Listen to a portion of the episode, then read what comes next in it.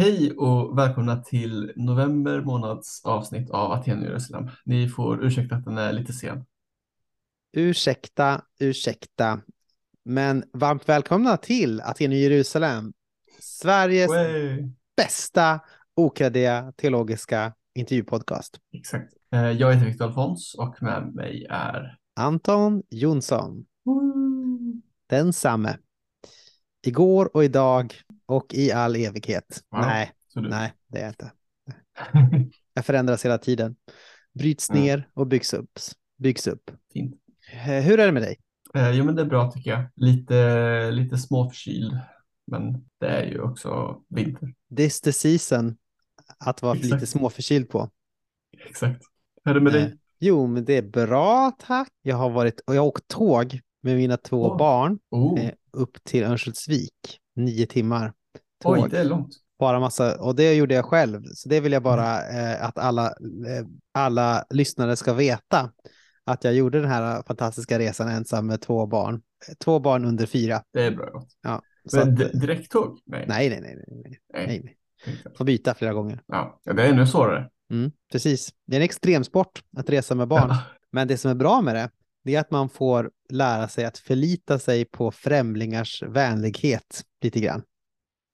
Det är bra. Det är många som vill hjälpa en lite grann och typ lyfta och eh, bära och kanske underhålla barnen medan man gör någonting annat eller sådär. Så att det, det, är, det är fint. Det rekommenderas om man vill lära sig att ta emot vänlighet från främlingar så rekommenderas att resa med barn. Det är bra.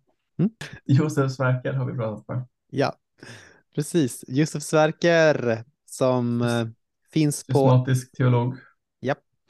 äm- ämnesansvarig vid, och nu får Gud förlåta stockholmarna, men den heter ju alltså då Enskilda Högskolan Stockholm. Mm. Förut hette den, förut hette hela Tjoderajan, eh, Teologiska Högskolan i Stockholm. Men de bytte ut sin förstfödslorätt mot Grynvällingen som är Enskilda Högskolan Stockholm. Och för Mm. det eh, må Gud förlåta dem. För ingen annan kan. Precis. Men i alla fall. Eh, ska vi, vi ska prata med Josef Sverker som sagt. Ämnesansvarig för systematisk teologi på TOS, EOS. Och eh, eh, en kille som har skrivit en avhandling och sedermera en bok utgiven Mm. i Amerika.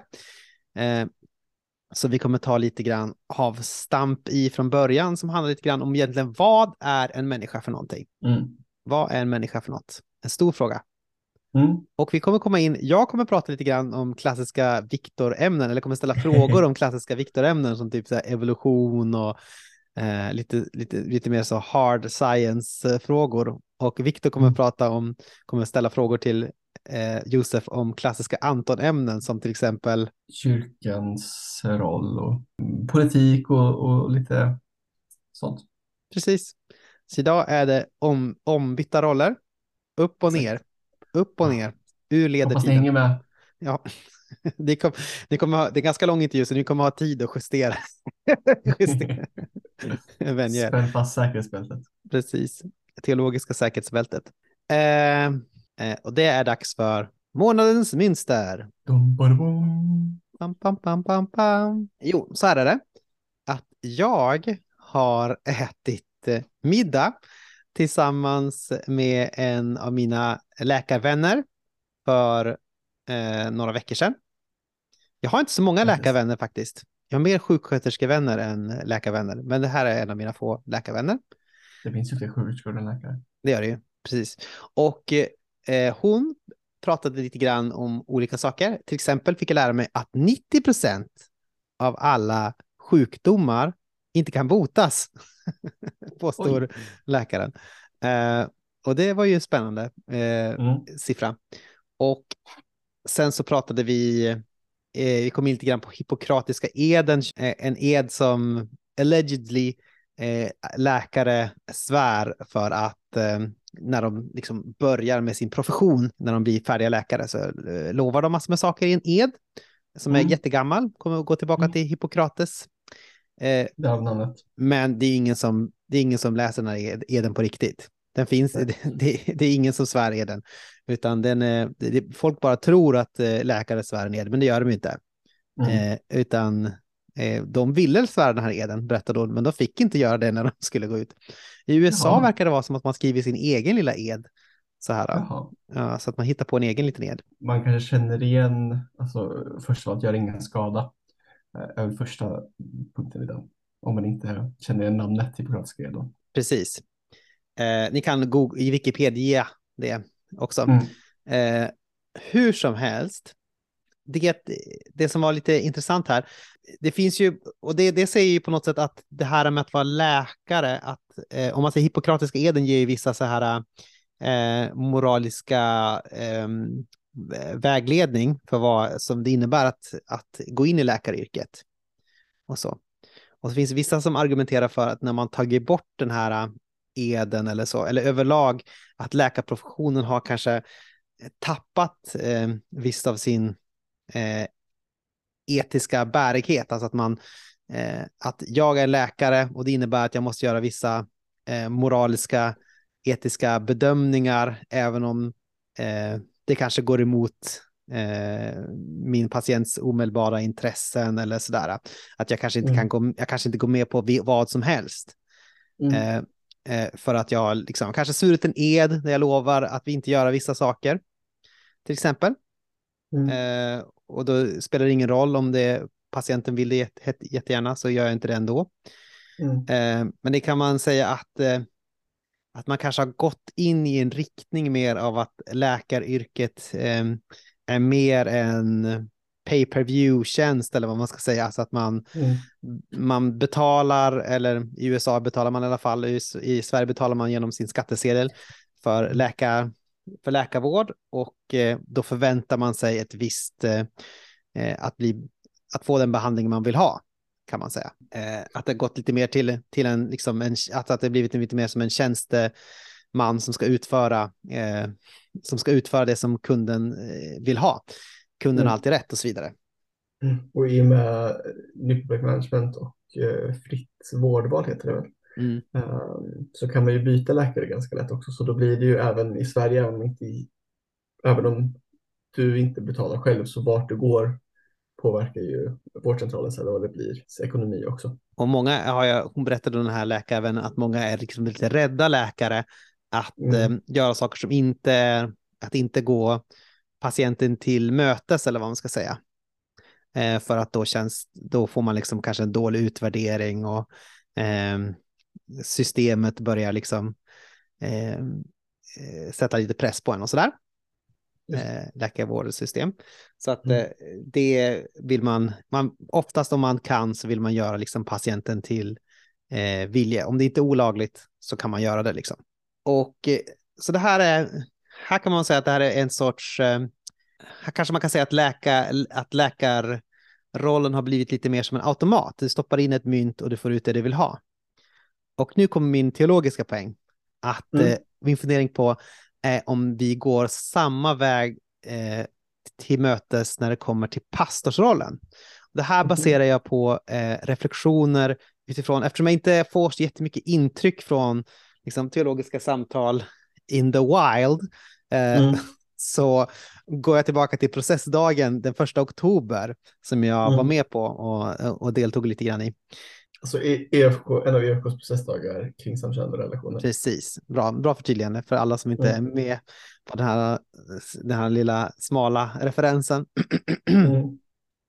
Hur som helst, där framkommer, där, där har en, där märker jag att en ny bild av vad en pastor är börjar också odlas lite grann. Eh, Mm. till exempel, eh, då har vi några församlingar som går i olika sorters liksom, bejakande riktning av eh, samkönade äktenskap.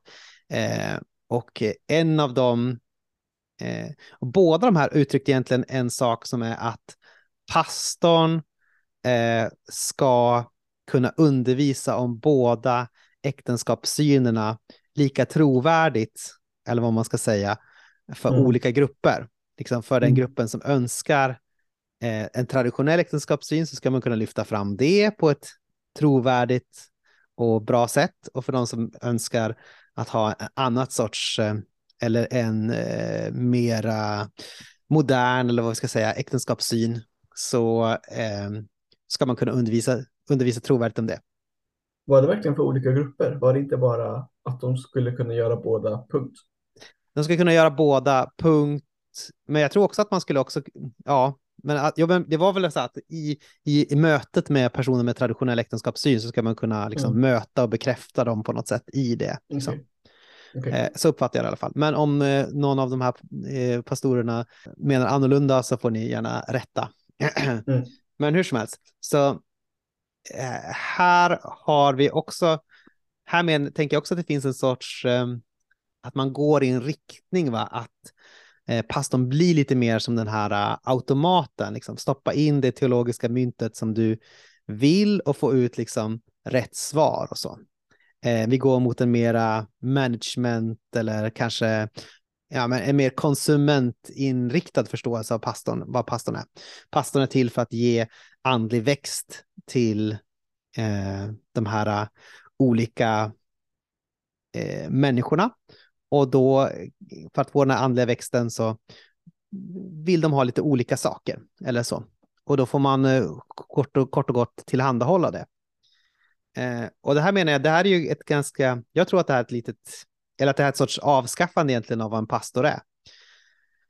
Jag tänker att en pastor är på något sätt som en felbar människa med eh, ett, speci med ett specifikt perspektiv som är fruktan och bävan ändå är kallad att på något sätt försöka utlägga evangeliet som den förstår det. Alltså, jag tänker att att eh, pastor är egentligen någon som är kallad till att ha övertygelser om evangeliet och förkunna dem. Att liksom verkligen, att eh, som ett, som en subjektiv eh, vanlig person liksom förkunna, lägga ut, berätta, det här är vad jag tror är Guds vilja. Det här är vad jag tror är att Gud kallar oss till. Det tänker jag är liksom den traditionella, att det är liksom pastorns roll eh, historiskt och så traditionellt sett att liksom vara den som står där framme och lägger ut vad man tänker att Gud vill och sen så får man se hur det liksom landar i, i folket. Liksom. Alltså det är helt enkelt att pastorn är en förkunnare. Och här går vi mot någonting annat som är mer pastorn som en sorts eh, tillhandahållare av eh, den sortens undervisning som konsumenten önskar eh, med den här automatpastorn. Liksom. Jag tänker så här, jag föredrar nog att om en pastor har en mer inklusiv äktenskapssyn, att den ska förkunna det liksom frimodigt, säga det här tänker jag, det här är det ljuset som Gud har gett till mig i det här. Det här är vad jag, det här är vad jag ser att Gud talar till eh, i sitt evangelium, talar om i sitt evangelium det är, så ser jag att det ska appliceras liksom. Eh, och motsvar, motsvarande liksom, om man är eh, mer traditionell. Men så det tänker jag att här är vi inne på en sorts ny utveckling kanske. Att pastorn är mera kundorienterad eller vad man ska säga och eh, ska kunna tillhandahålla, eh, liksom kunna tillmötesgå olika gruppers intressen på ett eh, jämlikt, jämbördigt sätt. Och jag vet inte, jag tänker att det är en lite eh, sorglig utveckling, just eh, den grejen. Jag skulle föredra snarare övertygade pastorer som vågar liksom, förkunna det man tror på. Mm. Jag håller med dig om prioriteringen, men jag vill ifrågasätta lite mer. um, om jag får. Mm. Det går väl bra. Uh, men jag tänker dels, jag är inte helt övertygad om att det var till olika målgrupper som det skulle vara olika budskap, även om det kanske, det kanske var underförstått om inte annat. Men de kanske sa det också. Men jag tänker, var det verkligen att varje enskild pastor skulle kunna göra båda eller att båda sorters undervisningarna skulle finnas i församlingen?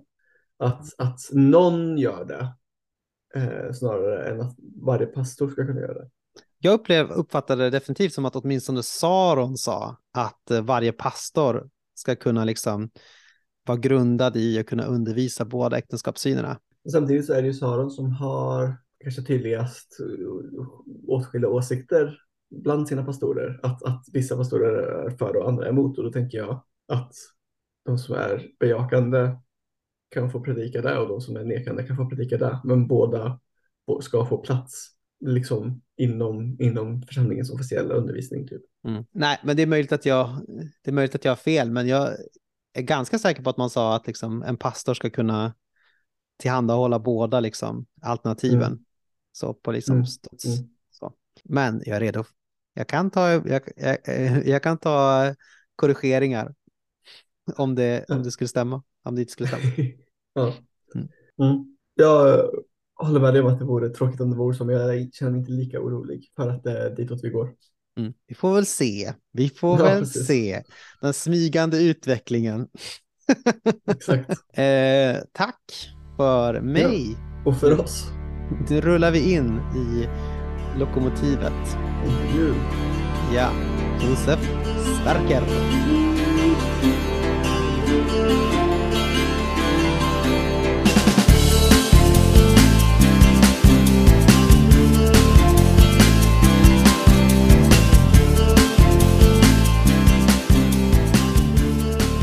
Hej och eh, välkommen till Aten i Jerusalem, Josef Sverker. Tack så mycket. Vi kan väl börja med en väldigt basal fråga och det är eh, om du ska introducera dig för våra lyssnare.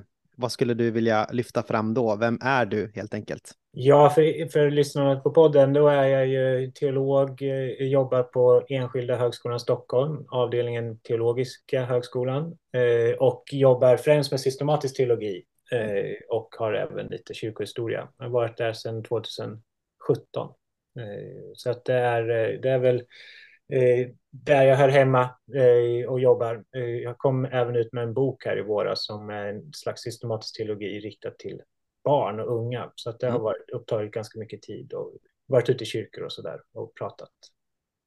Ja, precis. Den har man ju sett lite grann, att den har varit eh, ute och gjort några vändor också i, i kristen press och sådär. Den, ja, vad trevligt. Ja. Vad, vad är det den heter för någonting? Undrar, nej vad är det? Undrar om Gud? Ja, undrar om Gud. Eh, ja. Utan frågetecken var viktigt.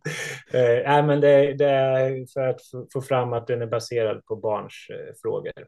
Eh, mm. Så att jag har samlat in hundratals frågor från barn i, i mellanstadieålder främst mm. Eh, och strukturerat och skrivit boken till, till dem. Vad har de för frågor då, om, man, eh, om vi får komma in på det lite grann? Ja, men absolut. Det är ju, det är ju den vanligaste, jag tror den allra, allra vanligaste frågan är vem har skapat Gud i olika Aha, varianter och former. Eh, men bland de största områdena, då är det väl kanske på ett sätt ja, men tro och vetenskap, mycket om Big Bang och Noas ark och evolution och sådana frågor. Eh, och sen väldigt mycket frågor om döden också. Så det är ganska mm. tjockt kapitel om, om döden i den här barnboken. Så, att, eh, mm. så är det. Men, men det finns också unika, så här, väldigt fascinerande frågor tycker jag. Som om eh, varför är det fantastiskt att Jesus dog på ett kors och, och mm. är Gud glad eller ledsen när man dör? Och, mm. ja, det, det är otroligt bra frågor. Som man ja. inte mm. på själv. Mm. Nej, men det är väl det, ha ett lite annat perspektiv på saker. Fint. Vi ska inte prata så mycket om barn mer nu, utan vi ska prata lite grann om, eh, om en mer abstrakt fråga, eller vad man ska säga. Eh, den stora frågan om vad en människa är för någonting. Du har skrivit avhandlingen och nu skriver jag upp den här titeln lite eh, på frihand, så vi får se om jag fick den rätt. Då. Essentialism, constructivism and the between. Stämmer det ungefär? Ja, precis, fast ja. tvärtom på dem. Constructivism and ah. essentialism and the between. Men det är bra nog. Man ska aldrig skriva någonting på fri hand. Eh, eh, och där, som sagt, där diskuterar du egentligen vad en människa är för någonting. Och det gör mm. det ju att du sätter Eh, teologen Colin Gunton, eh, filosofen Judith Butler och evolutionspsykologen Steven Pinker i eh, dialog med varandra det är ju en ganska udda trio som du har fört samman. Så kanske den här frågan kan vara vettig. Hur kom du in på det här vansinnesprojektet att liksom föra samman de här tre? Ja, men det är ju ofta, ofta är det ju så där att det är något man har stort intresse av. Så att urvalet är ju både vad man vill det är svårt med forskningsurval, för det är klart att det speglar vem man är och vad man har läst tidigare och så. Men men själva huvudsak, så huvudsaken som var för mig, det var att hantera frågan om natur och, och eh, kultur eller arv och miljö och, och de eh, sortens frågor. Mm. Eh, och då vill jag egentligen, nu blev det ju Judith Butler är ju ganska svår och akademisk på många sätt, men samtidigt så är ju hon har fått väldigt stort genomslag även i populärkulturen. Så att jag ville egentligen undersöka två stycken som, som är välkända och har stor spridning i, i tänkandet i kulturen idag som jag såg det. Det här var ju 10-12 år sedan som jag började själva projektet, men jag tycker de har fortfarande ganska stort genomslag. Um, och då vill jag ha någon som kunde, man kunde säga representera ett väldigt biologiskt sätt att tänka och någon som i alla fall framställs som att ha ett väldigt socialkonstruktivistiskt sätt att tänka. Uh, och se vad, vad finns det någon teologisk ingång här, att samtala om de här frågorna med, med hjälp av en teolog uh, i en polarisering mellan arv och miljö som jag mm. upptäckte. Jag tycker att det finns en väldigt sån stark polarisering, mycket i, i debatten och inte minst i skolan. Där jag, inte just den skolan jag var i, utan skolan i stort, eh, så, jag, så finns det en sån här problematisering eller svårighet mellan arv och miljö, för man delar ofta upp det i antingen hjärnan eller liksom sociala förhållanden. Så att då, då vill jag gå in i den frågan som teolog och undersöka den. Så det blev, blev egentligen två, vad jag tycker ganska populärt utspridda eller har stort genomslag, två tänkare som inte Ja, de, de, det de har gemensamt är väl att de båda två blir utslängda ur, eh, ur eh, vad ska man säga, rabbinskolan när de var unga tonåringar och båda är judiska tänkare, eller båda har judisk bakgrund och,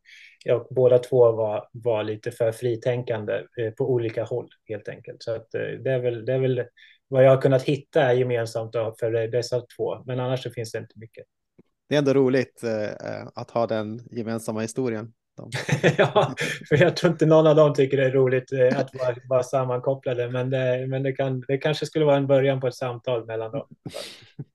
Precis. Om man skulle då, om vi då förenklar och hårdrar lite grann, eh, så kan man ju säga att eh, Butler, Butler är saker som eh, ett kön eller en person, eh, vad man kanske, kanske kan säga socialt konstruerat, det vill säga det går inte att säga vad ett kön är eller vad en person är bortom eh, vad vi ska säga diskursen, alltså hur vi samhälleligt eh, pratar om kön och eh, en människa. Mm. Eh, och Steven Pinker å andra sidan tänker att människan till stor del eh, är bestämd av sin biologi och hur vi evolutionärt har utvecklats. Och så sen har vi då Colin Ganton till slut som eh, tänker på människan som relationell i grunden, alltså eh, lite grann som eh, personerna i treenigheten liksom konstitueras av varandra eller mm. inte går att tänka utan, alltså fadern går inte att tänka utan sonen och så vidare. Mm. Så är liksom människan också liksom konstituerad av sina relationer och så. Och då kan man ju undra, vad finns det för between här? Alltså är inte det här bara tre helt olika syner på vad en människa är för någonting, lite grann som en val, en elefant och en albatross eh, som bara kan liksom stirra på varandra en stund och sedan bege sig av åt, åt varsitt håll för att de är för olika? Ja, det är en jättebra fråga. Jag bara får, när du säger så så får jag mig tänka på med, med Karl Barth och Emil Brunner, två jättestora eh, filosofer. De sa att det, det är som när en elefant möter en blåval, att de aldrig kommer kunna förena sig. Men, men eh, Eh, jo, visst är det ju så. Eh, och det krävdes ganska mycket närläsning för att se hur, hur i hela friden ska det här eh, ska det komma ihop på något sätt. Men, men jag tror att det, jag hade en grundtanke om att på någon nivå så är vi människor eh, liksom holistiska. Eh, att vi, ehm, i varje fall i mötet med varandra, så, så möter vi möter inte liksom bara våra gener, vi möter inte bara våra eh, vår, vårt sociala sammanhang, utan vi möter någon sorts helhet, ett du eller ett jag som möter ett du. Eh, och då, då blir den här uppdelningen mellan det kroppsliga, biologiska och det socialt konstruerade, den, den blir någon...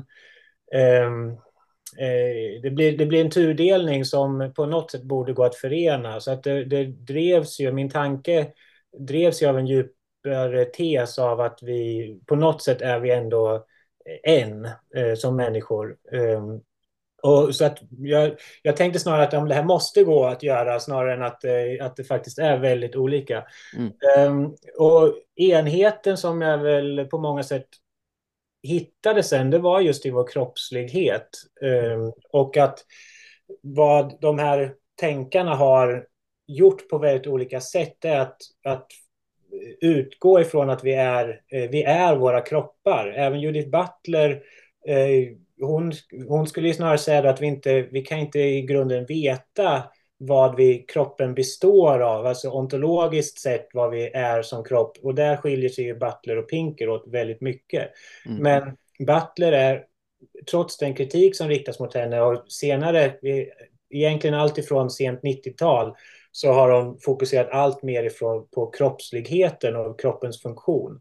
Mm. Um, så att där blev själva nyckeln i, i eh, eh, ja, själva enheten däremellan dem. Att de teoretiserar och tänker om kroppslighet på, med väldigt olika perspektiv. Och där började jag hitta ingångar. Till och med Colin Ganton eh, som ju är teolog, han, han formulerar också att vi är våra kroppar. Så jag kallar honom egentligen för materialist. Eh, mm. Men han, han tänker att det finns en reellt existerande gud, treenighet, en treenig gud. Men så att eh, den här materialiteten var det som blev ingången till, till eh, ja, att kunna se vissa likheter eller se vissa föreningar mellan, mellan tänkarna. Och att de förlägger olika perspektiv på kroppsligheten som, som jag sen tycker mig se eh, just det här relationella blir en nyckel för att, att förena egentligen starka argument ifrån Pinker med starka argument ifrån Butler och starka argument ifrån Ganton i vem och vad vi är som människor. Och man kan säga att det är liksom, evolutionen är ju eh, på något sätt eh, nyckeln här. Eller kan inte du berätta lite grann om din läsning av eh, evolutionen? Eh, eller ja, människans men, uppkomst evolutionen, eller vad man ska säga. Jo, men absolut. Jag, jag har verkligen inga problem med evolutionsläran, måste jag säga, förutom att eh, man, kan, eh, man kan läsa olika sätt att tolka den och mm. bland mm. olika vetenskapsmän och kvinnor. Eh, så att jag eh, ser evolutionen som grunden till hur vi utvecklas som, som i vår kroppslighet som, som människor och även i, i, i viss mån också hur våra, vår kultur och, och det sociala uppstår också, för att den, den är ju en, en, slags förlängning av vilka vi är som människor. Det som är lätt att tänka sig i, i evolutionen, som jag tror är, är ganska vanligt är att vi tänker väldigt så essentialistiskt eller mm. atomistiskt, att det finns som en slags minsta kärna av evolutionen som även då sådana kända tänkare som Richard Dawkins eller Steven Pinker eh, skriver till exempel om gener mer eller mindre som evolutionens atomer. Mm. Eh, och att det är där någonstans som eh, evolutionen drivs fram. Men att även gener och DNA och arvsmassa är ju så att säga ett resultat av evolution. Evolution kommer inte ner till någon sorts eh, kärna i, i ett materiellt kärna. Um, utan det är just de här lagarna av urval och urval på olika sätt ska också sägas. Det här selection och det, det kan ske på många olika sätt. Jag använder lite engelska ord här för att det blir, det blir mycket av det jag läst, men som till exempel kallas för genetic drift och så, att det finns olika sätt som, som arter förändras beroende på, eh, inte det, det urvalsprocessen som man i vanliga fall pratar om, utan mer hur, hur de förhåller sig som en grupp till varandra och så vidare. Så att, mm. eh, det har jag inte några problem med. Men det är problem med att, att se det som att generna blir på något sätt atomen i, i evolutionsläran. När det, evolutionsläran är, är egentligen ett sätt att förstå eh, vilka, hur styrs det här eh, förändringarna som sker i, i, i, bio, på ett biologiskt sätt. Då. Eh, så att, och när man börjar se på evolutionsläran på det här sättet så öppnar det ju upp att, att börja tänka på det. Ja, men det här handlar ju om olika förhållanden mellan arter, eh, arter och sin miljö. Eh, och helt plötsligt blir evolutionsläran mycket, mycket mer en relationell teori om arters och kroppars uppkomst. Eh, så det är det jag har tagit mig för. Jag, inte, jag menar, nu har jag tvungen att sätta mig in mycket på ett sätt i evolutionsläran, så, men det har mer varit för att nå den här förståelsen av hur, hur tolkar man evolutionsläran och det problematiska med en alltför essentialistisk tolkning av evolutionsläran, vilket är, det, det är den kritiken jag... Jag tycker att Pinker är, är otroligt briljant och eh, insiktsfull, eh, men han går fel i det att han har en alltför essentialistisk syn på evolutionsläran. Eh, så när den öppnas upp och det blir våra kroppar är produkt, jag ser egentligen som det sociala och det biologiska som två olika tidslinjer av mer eller mm. mindre samma sak. Att det, våra kroppsligheter där vi pratar om gener, det är, är, är det en slags social konstruktion på en väldigt lång tidsskala. Det är människans gener och kropp som har mött sin omgivning och andra arter och sig själv under en lång tid och har formats till de kroppar och den genetiska uppsättningen som vi har. Ehm, så att det, det blir mer en fråga om tidsperspektiv än att det är två egentligen olika ontologier eller metafysiker som man ställer mot varandra i det sociala och, och det genetiska. Ehm, så att det, det är väl själva eh, mitt sätt att, att använda evolutionsläran och tolka evolutionsläran som, eh, som inte är liksom biologiskt på det här sättet utan det är ett, ett mer filosofiskt och konceptuellt sätt att, att eh, se vad är det för grundtankar som, som Eh, som man kan men inte behöver ha i evolutionsläran. Till exempel essentialism måste man inte koppla till evolutionsläran. Ja, men precis. Du, du har ju den här eh, bilden. Jag tycker den fastnar ganska mycket i huvudet på mig, liksom att, eh, ja, men att det är som att man utsätts för ova, o, um, olika längevarande tryck liksom, från olika relationer och det är det liksom på något sätt som eh, formar människan och så. Mm. Nu höll jag på att göra lite med händerna här som om man formar en lerklump. Eh, så eh, ja, men ty det tyckte jag ändå var eh, öppnar upp lite grann för att få med det här ja, med människan som relationell som sagt. Mm. Ja. ja. det finns en teolog som heter Philip Hefner tror han heter som pratar om, om eh, environment och eh, genes som, som två olika strömmar av information som eh, som evolutionen använder. Eh, så att det är lika, och där skulle Pinker hålla med om, det är det som är intressant, att han pratar ju om, om eh, ett, till exempel att hjärnan är, är, har vissa inlärningscenter som, som styrs av vissa lagar. Vi har en språkförmåga som är inboende i, vår, i vårt tänkande och i vår hjärna som sen möter olika sorters språk. Eh, men att det måste finnas en sån här fast biologisk del och det måste finnas en rörlig kulturell del för att vi ska kunna lära oss överhuvudtaget. Och att språkorden och, och det lexikala som det heter, alltså själva ord, ja, lexikon, ord, orden som vi använder, mm. de måste vara förborgade i, i kulturen för att vi kan inte lära oss alla ord. Och om vi skulle kunna alla ord på svenska så, så eh, är, det, är de förborgade hos mig i min hjärna. Det är inte säkert att du har lärt dig exakt identiska. Då kan vi inte prata med varandra ändå. Utan mm. det måste, orden måste finnas fria så att säga i kulturen för att ett språk ska kunna fungera.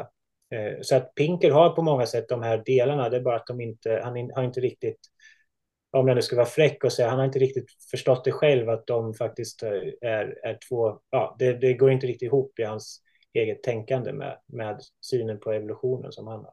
Mm, mm. Du, du, nämnde lite grann om, om skolan och så, mm. att det finns en polarisering i skolan eh, där det är arv å ena sidan och miljö å andra sidan mm. eh, och aldrig mötas de två. Och eh, miljön, eller vad man ska säga, för din diskussion om vad människan är, är ju till stor del också eh, skolans värld, eller det kan man säga är lite ramen som du sätter i. Eh, hur kommer det sig att du, du liksom placerar in frågan i den ramen? Ja, det är ju, jag är gymnasielärare i grunden och, och själva problemet som jag upptäckte skedde i skolan. Jag tror jag försöker sen i slutet att, att visa eller påpeka att det här inte är unikt för skolan. Men, eh, men det är ju det korta svaret, att jag, att jag var där jag befann mig när jag började tänka i de här banorna. Men jag tror också att skolan är ett väldigt gott exempel på många sätt som som, eh, där man upptäcker den här uppdelningen. Eh, I den, det som jag beskriver i, i boken är ju att eh, det finns, de flesta skolor har sådana elevhälsokonferenser där man då pratar om, om elever som har, ja, kan ha svårt att nå upp till målen för betygen eller mm. problem på olika sätt. Och att har man då till exempel som jag gör, har man en ätstörning så är det ofta det, då är det kuratorn som har hand om, eh, om, ja, om den eleven och då mm. pratar ofta kuratorn om sociala faktorer som normer eller tryck hemifrån eller förväntningar på sig själv och så. Som mm. en slags förklaring till varför den här eleven har det, har det tufft eller svårt att möta målen. Medan i, i vårt fall i alla fall när det kanske hade med eh, dyslexi eller andra eh, inlärningssvårigheter att, att göra så pratar man mycket om hjärnan och eh, liksom avkodningscenter och språkcenter och så vidare. Mm. Och det är väldigt biologiska eh, förklaringsmodeller till vad som ligger till grund för det här problemet. Och då tänkte jag egentligen i, i sig, ja, men vad händer om vi pratar om samma elev här? Eh, som kanske då både skulle ha ätstörningar och eh, någon, ja, dyslexi till exempel. Då vad, ska den försöka förhålla sig till, är jag de här sociala faktorerna eller är jag de här biologiska hjärnfaktorerna? Vem är mm. jag som människa? Då måste det på något sätt finnas ett sätt att tänka sig själv som en helhet. Um, och det, det var, tyckte jag, ett väldigt, en väldigt bra ingång till att visa den här uppdelningen mellan arv och miljö är polariserad i vårt samhälle. Och sen då, det visste jag inte då riktigt, men då kom ju min själva svar på frågan är att det är stor del våra institutioner som skapar den här uppdelningen. Mm. I det att vi, eh, ja men till exempel om vi ska ha en, ett rättvist betyg, vilket ju också då är en del av skolan, så skär så att säga skolan bort som institution, skär, skär bort våra sociala sammanhang, ofta historiken också. Det spelar ingen roll vilket namn du har, det ska inte spela någon roll, nu pratar vi i idealfall förstås, mm, men mm. det ska inte spela någon roll vilken bakgrund du har, vilket, vilken hudfärg du har, vilken sexualitet du har och så vidare. och så vidare. Du ska, du ska ha ett rättvist betyg som är bedömt utifrån din, dina meriter och så. Det gör ju att skolan som institution individualiserar oss Eh, vi kommer som ett helt nätverk av relationer och så kapar institutionerna av det. Och i bästa fall för att det handlar om rättvisa, att vi ska bedömas rättvist. Men det, om man misstar den här individualiseringen för att vi är individer, djupast sett som människor, då kommer som ett brev på posten den här uppdelningen mellan arv och miljö. För att mm. då tänker vi oss om oss själva som ett avskalat jag eh, som en slags eh, individ som, som djupast sett är min genetik och kropp. Och om vi tar bort alla relationer och tänker på oss som självständiga, då blir ju det här sociala eller miljön någonting som är främmande från min kroppslighet. Så att då kommer den här individualiseringen med en, eh, en uppdelning av arv och miljö. Så att det är liksom själva grundsynen på oss som människor som skapar problemet arv och miljö. Eh, mm. Och, och, en institution är ett exempel på när det sker helt enkelt. Ja, men det är jätteintressant och som du säger, eh, eller du är inne på det här med att om man säger Pinker har ju då den här äh, atomiserade blicken också på evolutionen då, att eh, det finns en, en, en, en beståndsdel och det är liksom genen. Och det kan man också kanske översätta på ett samhälleligt plan, att mm. eh, individen eh, är den, liksom den minsta, minsta delen i, i ett samhälle eller sådär. Mm. Och samtidigt, och då har du ju ett väldigt intressant, eh, en intressant eh, slutsats som du drar och det är ju att eh, eh, eftersom du har en annan syn på vad det innebär att vara en människa, en mer social syn på vad det är att vara en mm. människa, så säger du att individualiseringens framgång innebär det mänskligas nederlag. Mm. Skulle, ja. du, skulle du vilja utveckla det lite grann? Vad, vad menar du med det? Jo, jag vill ju lägga, alltså, det här vill jag ändå skjuta in att jag, eller som jag sa tidigare, att individualismen i sig kan ha eh, mycket positivt med sig och kanske till och med en nödvändig del för att vi ska ha ett, ett, ett, eh, ett samhälle som är uppbyggt på rättvisa och så. Så att jag, jag, vill, jag är kritisk mot individualismen eh, när det blir en metafysik, alltså när det blir den grundläggande förståelsen av vilka vi är som människor. Mm. För det är då jag menar att det blir eh, så att säga, mänsklighetens nederlag eftersom eh, det, om vi djupast sett är personer som, som vi blir verkligen till av och i relation till varandra, då, ju mer, vi, ju mer vi tänker på oss som individer, desto mindre kommer vi bli oss själva på ett sätt. För vi, vi blir oss själva i möten med andra människor. Och ju mer vi har våra grundföreställningar att, att vi, vi blir till, och vi är som mest oss själva, ju mer självständiga vi är, då kommer vi skala oss av från de relationer som vi, vi behöver för vår överlevnad.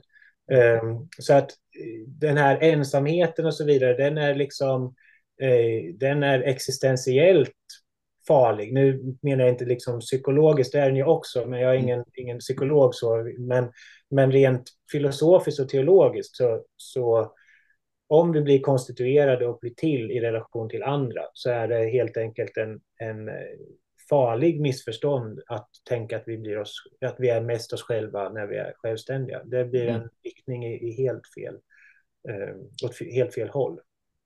Ja en, rik ja, precis, en riktning bort från en mer trinitarisk förståelse också då, eller en treenighetsmässig förståelse av sig själv? Ja, kanske. det blir det ju. Och där, är ju, där trycker ju Ganton, Colin Ganton mer på det trinitariska än vad, än vad jag eh, kanske är bekväm att göra. Att han, mm. han är bättre på det än vad, vad hans kritiker kanske anklagar honom för. Att han på ett sätt bara tar treenigheten och lägger på det på på människan. Riktigt så enkelt gör han det inte för sig. Men, men han menar att det trinitariska, hur det trinitariska eh, är konstituerat är också hur vi människor eh, blir till på många sätt. Men, men eh, det, en sån sak som, jag, som är väldigt intressant tycker jag från, från Ganton, det är att han till exempel pratar om frihet. Att i moderniteten eller med en individualistisk människosyn så är ofta frihet någonting som definieras att man är fri från andra mm. eh, för att kunna göra sitt genuint egna val till exempel. Men att vad en, en eh, kristet trinitarisk teologi lär oss är att frihet är någonting som skapas med andra.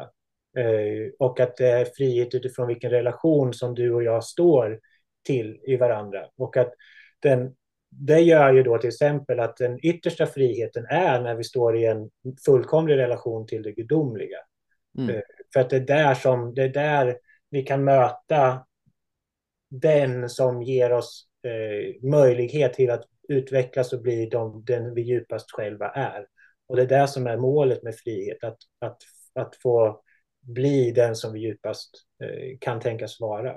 Så, mm. så att, eh, och där möter man i en, en Gud som själv är konstituerad i relation till varandra. Så att det, är, det är på ett sätt Gantons eh, tankesätt och som, som jag och även jag skulle säga Judith Butler, ju längre hon skriver i, sin, i sitt tänkande, går åt det hållet. Fast hon tar inte hen, ger inte någon referens till en transcendent gud då, förstås. Utan det, eh, men, men det speglar mycket av hennes tänkande, en slags relationell ontologi. Interpellation, eller vad heter det? Att man man blir till genom att den andra åk, eller åkallar den kanske är fel ord, men eh, kallar på en, tillkallar ja, den. Nej, ja. men absolut, åkallar kan man nog absolut säga, eller, mm. eller eh, ropar på en eller så. Så att det, mm. det är först då man, man blir till som, som aktör eller subjekt skulle väl hon säga.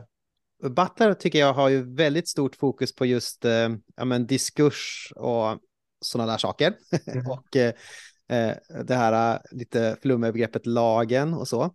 Men jag funderar på, har inte hon, jag tänker att där har ju du också någonting att bidra med till henne, att du pratar mer om liksom institutioner och sådär, hur de formar. Mm. För där tycker jag ändå är, är en sorts brist, i alla fall i, i genustrubbel, alltså att det, det är ganska lite liksom, vad är det för maktintressen eller så här som formar mm. hur vi tänker på oss själva eh, och så. Eh, där tycker jag att det finns andra tänkare som gör bättre jobb och, jag tänker att du gör också ett bättre jobb nu när du, när du lyfter in liksom sko, vad är det för människosyn som skolan liksom tvingar på oss eller på ett sätt av nödvändighet men på ett sätt också eh, skadligt. Mm. Ja, det är snällt att du säger det, men, men, eh, eh, jo, men jag, jag, tror att det också skett en utveckling i Butlers tänkande i den här i genustrubbel och tidiga texter. Så hon, hon är, och du nämner lagen, hon är ju väldigt infly, eh, influerad av eh, en psykoanalytisk tolkning av, eh, av människan.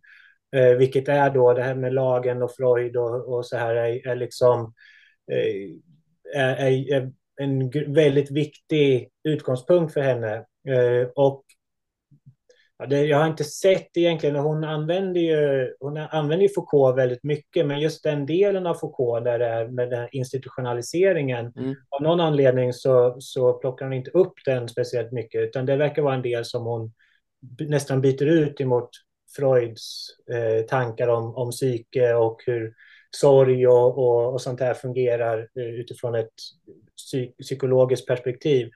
Um, och i, mer och mer i hennes senare texter, till exempel den här texten om Force of Non-Violence som är hennes senaste bok, så pratar hon ju mycket mer om hur, hur människor kan göra, hur kan man göra motstånd om vi är sårbara i vår grund som, som människor. Hur kan vi då göra motstånd i, i ett samhälle som har vissa infrastrukturer? Så hon pratar ju om, om infrastrukturer där Eh, men kanske egentligen mer om arkitektur än om institutioner om man ska ja. Eh, stadsplanering och, sånt där än, än institutioner. Så det, det, har, det har du rätt i att det, det är inte sån framträdande del i hennes tänkande och jag, hon blir väl egentligen fortfarande kritiserad för att, att hon inte har tillräcklig utvecklad tanke om vår kroppslighet och jag tänkte det kommer väl kanske ihop med det att det, jag vill ju mena att hon har väldigt genomtänkt syn på kroppens funktion. Mm. Men att vår kroppslighet och kroppar liksom i institutioner och så vidare, det, det, inte, det, finns, det är som en brist eh, i, i hennes tänkande. Så att det, där, det är ju där jag ser att en sån som Pinker verkligen genuint bidrar med något in i, i den här sorts tankestrukturen som jag vill, vill liksom skriva fram om vad vi är som, som människor. Att mm. vi kroppar är som liksom konserver kan man säga. Vi är, vi är konserverade, konserverad historia eh, på många sätt. Eh, och och det, det har ju man ju svårt i, i genus, alltså i queer-teorin och så, så, så är det ju, det smyger sig lätt in väldigt starka normer, till exempel heteronormativa tankar om så fort man pratar om, om en alltför stark, ja, att vi är konserverade i alltför starka drag som kroppar. Mm. Så att det här är ju, den kritiken som Butler gör är ju fortfarande giltig, men det är, ju, det är inte säkert att man bara kan ta bort eh, den här tanken på, på våra kroppar, att de ändå är plastiska på någon nivå och väldigt väldigt utdraget historiskt sett plastiska. Mm, mm. Du, du pratar ju om det här med att, indi, eller om man ska säga individ, synen på människan som en individ. Eh, det är både någonting som eh, kan behövas i vissa fall för rättvisa och så, och eh, som är till viss del skadlig. Går det att hitta något mellanläge eller between här också? Eller är det liksom, måste vi vackla mellan de här två polerna?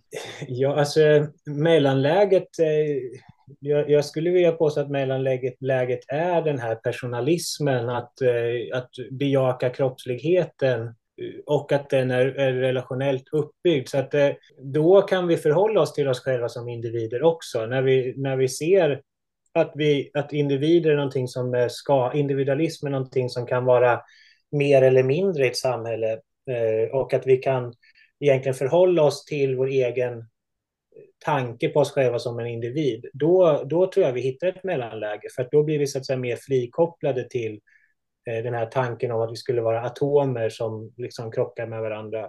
Mm. Eh, så jag tror det mellanläget är att hitta en kritisk distans, en slags eh, koncept att kunna se ja, det här med individ är någonting som är väldigt bra. Vi är, vi är en kropp, eh, men den här mm. kroppen, vart den börjar och slutar, det är inte riktigt så självklart som vi föreställer oss. Eh, i, jag menar, det, mm.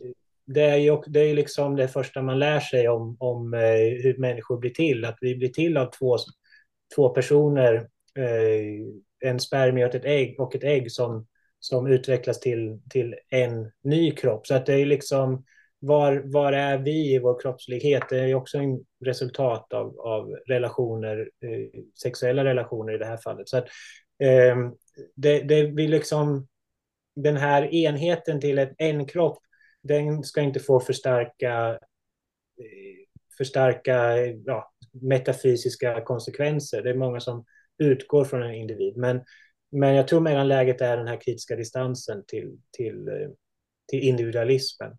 Då, mm. då kan man se den här möjligheten för individualismen också. Men vi, vi är inte individer djupast sett. Den, den, det är en missförstånd av, av oss. Så där finns det inget mellanläge, skulle min, svar vara egentligen. Och eh, eh, Jesus kommer in här också. Mm. Eh, kenotisk eh, personalism kanske vi kan eh, skriva nu nog att det är om man översätter mm. det till svenska. Ja. Alltså att vara människa är att vara sårbar som jag var inne på. Och eh, Jesus är på något sätt bilden av eh, också vad det innebär att vara sant människa när han mm. uttömmer sig själv på korset och ger sig mm. själv till den andra i sårbar kärlek. Och det, det här är kanske lite annan sorts eh, fråga än vad vi har haft hittills som vi har varit mer inne på teorin eller så. Min fråga är, har du sett en sån kärlek?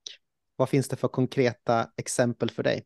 Ja, jättebra fråga. Men det är, eh, korset är ju den yttersta uttrycket av den, den kärleken. Men, men eh, du menar förstås mer sett i verklig, verkliga mitt levda liv misstänker ja, ja, kanske. Ja. Ehm, men det, det är ju anledningen att jag gör en sån, vad ska jag säga, en, en sån ontologi från det här kenotiska. Jag översätter det ju mer som självutgivande snarare än att det är totalt, så ska jag säga, själv ja, uttömmande. Att, att självförstörelse eller liksom en total eh, annihilation. Men, men eh, eh, det, det är att jag tycker att det är, verkligheten är grundad så. Eh, det finns inget som existerar utan att det har fått sitt liv givet av, av någonting annat. Eh, mm. Återigen, eh, spermien och ägget det är materiellt givet, det är uppstrukturerat så i, vår, i, i, i, på, ja, hur, hur däggdjur eh, fortplantar sig. Um, och, så det, det, vi behöver bokstavligen ge någonting materiellt för att någon annan ska ha liv. Uh, och kärlek blir på det sättet inte den här känslomässiga förbindelsen nödvändigtvis, utan kärlek är eh, viljan att upprätthålla den andras liv, viljan att den andra ska vara till. Mm. Um, och där tycker jag man ser många exempel på. Men den totala, eh, det, vår kärlek ser man ju också är alltid färgad av en, en viss... Jag ställer ju kenosis och harpagmio mot varandra, alltså det här att inte ta eh, det som inte var Jesus givet. Att vi, mm. vi människor vill ju också gärna roffa åt oss helt enkelt. Eh, så att när vi tar det som inte har blivit oss givet, då tar vi liv som vi egentligen inte har, får göra eh, mm. för att det förstör någon annans liv. Så att jag tycker man ser det egentligen i hela strukturen av vår tillvaro. Det är en ett kyrkofar som heter Gregorius av Nyssa eh, skriver om, om mirakel. Det här använder jag för sig i den här barnboken som vi nämnde, men, men eh, jag tycker ändå är, jag tycker det är väldigt intressant. Han skriver mm. om förlåtelse och eh, generositet som två, eh, ja, helt enkelt mirakel. Han ställer sig frågan, kan vi se mirakel idag? Och så säger han, varje gång vi ser en människa förlåta en annan människa så är det ett tecken på en, en, ett mirakulöst, eh, för det ligger inte i oss människor att, att göra det. Eh, varje gång vi ser generositet så är det liksom någonting, ett tecken av det gudomliga skulle han säga. Han har en, annan, en sån syn på på, på Gud, mer en mystisk syn på Gud. Men, mm. eh, men i det fallet håller jag med honom att eh, det finns någonting i själva, bara det att se någon förlåta en annan människa är ett tecken på att vara beredd att ge upp någonting av sig själv för mm. den andras skull. I det här fallet till och med någon som har orsakat dig smärta. Eh, det är inte en fullkomlig förlåtelse. Jag tror att det är svårt att liksom se att, man, att människor helt och hållet glömmer eller liksom att relationen blir totalt upprättad och så efter, beroende på lite vad det handlar om. Men, men att det sker förlåtelse i någon grad är ett tecken på den här kenotiska eh, kärleken och att den också är, den är ett måste för att vi ska kunna finnas till som människor.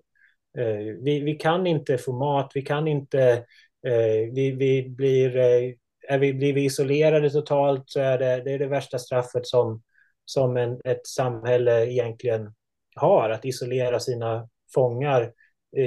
Det är ju liksom det är det yttersta straffet i, i, mm. för interner i ett fängelse och så vidare. Så att på många sätt kanske värre än dödsstraff skulle man också kunna argumentera utifrån mitt sätt att se människan. Men, men det visar på att vi i grunden är, är Eh, så beroende av den här självutgivande kärleken. Coolt. en, en sak som, eh, som jag tänkte på när jag läste din avhandling, det var lite tag sedan, det är ju att eh, kyrkan kanske man kan säga inte spelar så jättestor roll i den.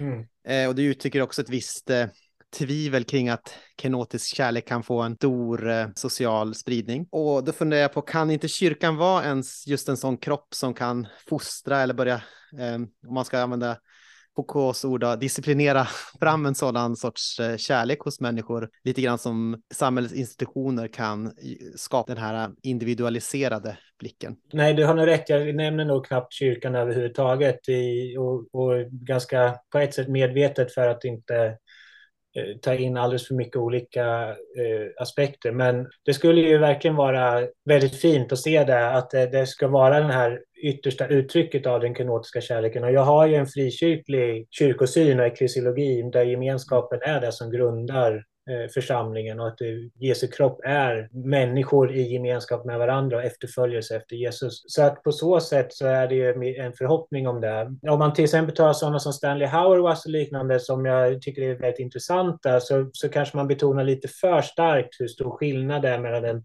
alternativa sociala gemenskapen i kyrkan och vad man ser i samhället. Ehm, den, den, ja, på en nivå så är kyrkan Eh, den är fylld med massa människor som bekänner sig som syndare och vet att man är syndare och bristfälliga. Så att eh, hoppet att kyrkan ska vara en sån fantastisk gemenskap får man ju också ställa i ljuset av att det är en massa brustna människor som vet att man är brustna. Eh, och det kanske är en, en början till, till att, att ha självutgivande, att man inser att jag behöver andra och andra behöver mig. Eh, så att jag, jag ser ju såklart, jag har varit i jättefina församlingar, en jättefin församling nu i Triangelkyrkan, mm. eh, där, där jag tycker det finns fina tecken på självutgivande och, och där efterföljelse. Eh, så att eh, absolut, det, det, tror jag det skulle kunna få vara eh, och kan vara i många fall. Eh, med den lilla tanken att bi, bihanget att vi också är, ska vara medvetna om oss, vår egen brustenhet. Mm. Så att eh, den, den yttersta upprättelsen av, av den gemenskapen eh, är ju att vänta till, till framtiden. Bra svar. Verkligen. Um, och vi ska fortsätta prata lite mer om kyrkan nu. Uh, kyrkan i Europa specifikt och lite populism. Mm. Uh, då har jag skrivit en artikel som heter Confessing Christ in Christian Europe, the death of the church as a theological response to populism. Yeah.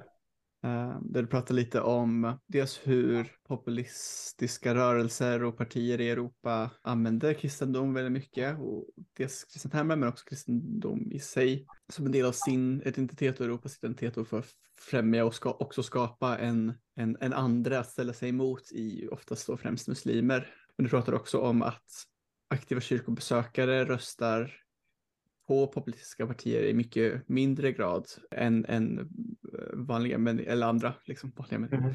Och sen så kommer du in lite på Bonhoeffer och, och han pratar om likt Kristus eh, dog för oss så kan, så kan kyrkan dö för den andra och, och, och som ett kyrkans svar på eller mot populism. Är det en rättvis sammanfattning? Ja, men verkligen. Väldigt, väldigt väl läst. Bättre än vad jag själv skulle kunna göra, tror jag. Men ja, absolut. Mm.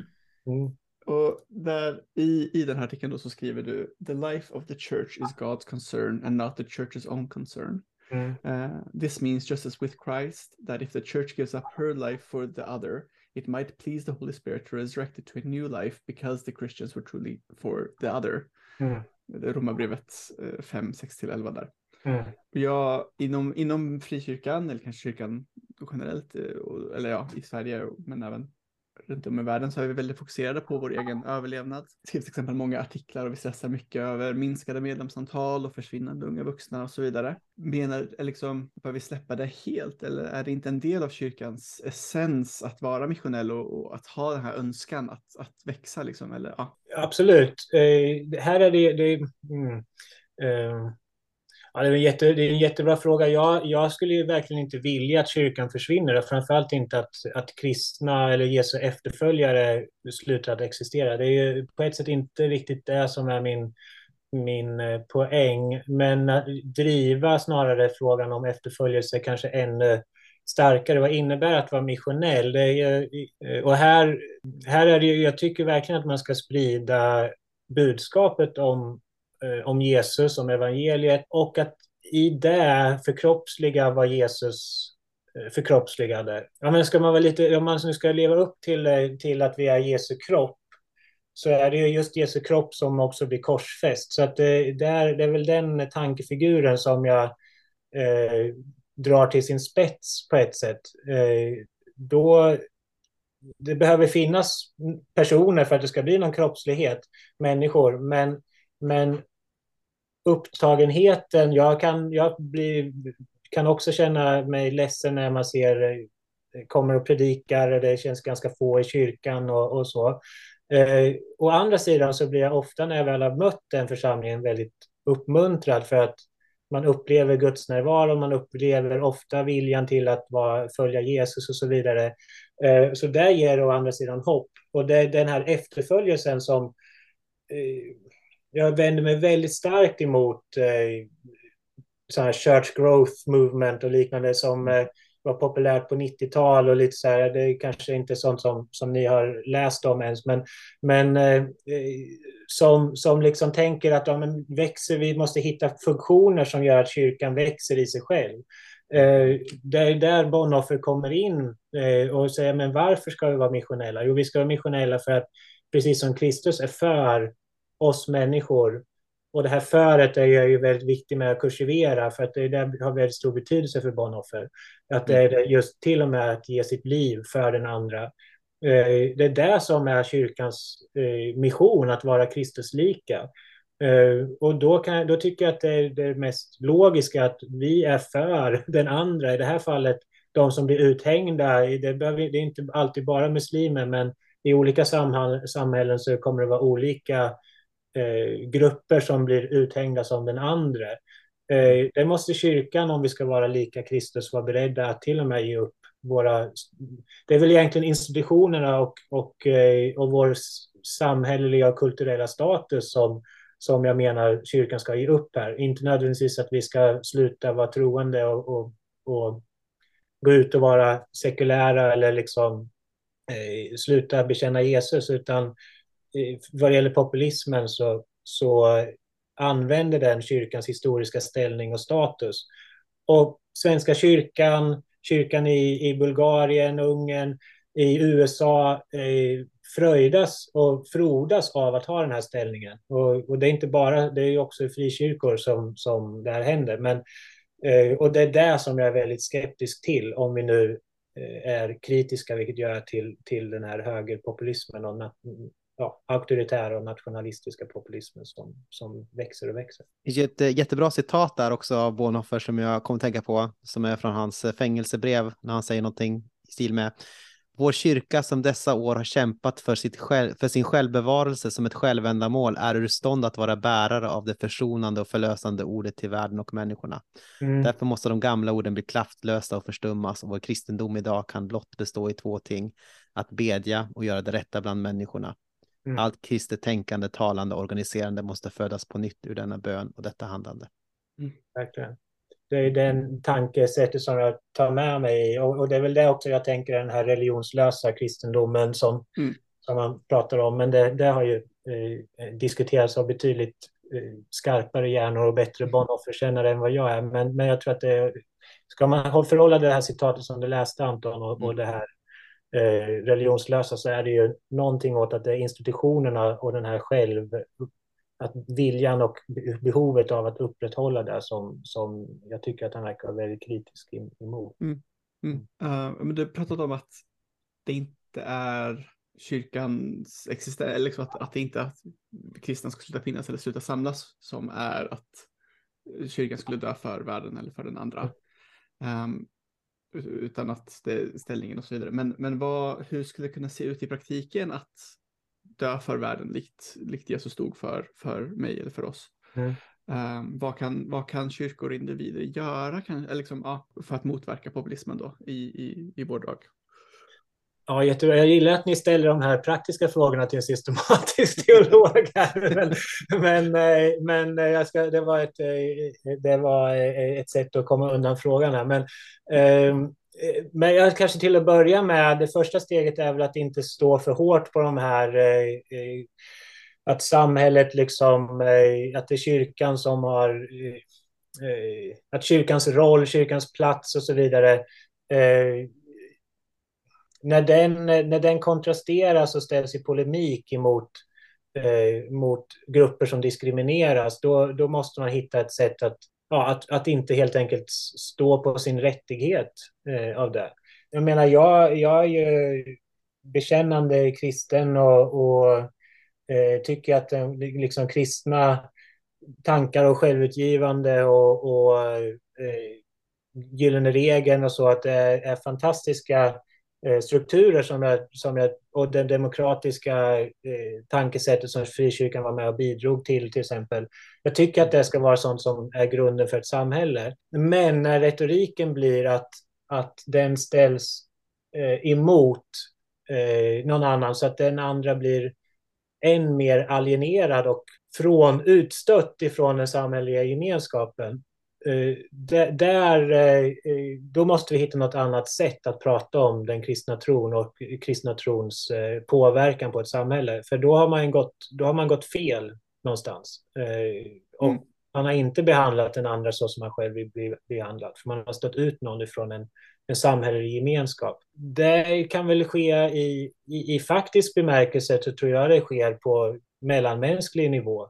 Eh, att istället för att skandera emot muslimer till exempel så, så eh, ökar man gemenskap med muslimer. Eh, mm.